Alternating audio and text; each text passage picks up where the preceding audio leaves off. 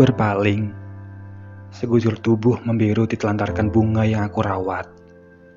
Meninggalkan lara di setiap nafas yang aku hela. Mencabik jiwa dengan segenap semangatnya. Aku terkecoh. Rayuan-rayuan nakal, bisikan-bisikan nafsu, semuanya aku terkam tanpa berpikir dengan akal.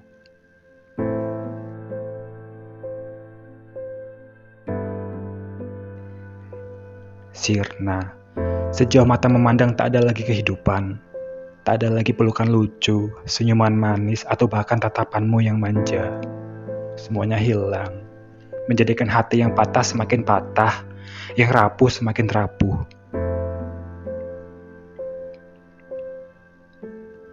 Ketika aku menyadari aku sedang terluka, tak ada yang bisa kulakukan selain tertawa.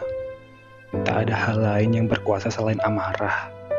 Tak ada kegiatan lain selain berduka. Kecewa itu datangnya sangat sempurna, sakitnya tiada terkira, perihnya tanpa pesaing.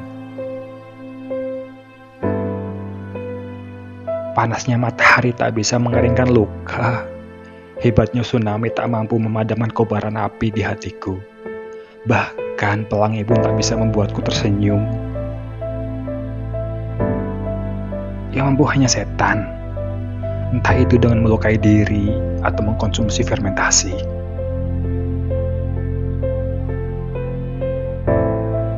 Hari-hari yang dulunya cerah kini berubah jadi mendung.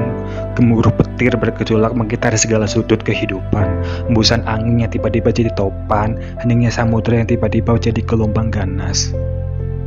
Semuanya menyerang, melukai hati yang sekarat hampir mati. Aku sudah menemui banyak cinta. Aku sudah merasakan banyak cinta. Tapi tidak yang seperti ini.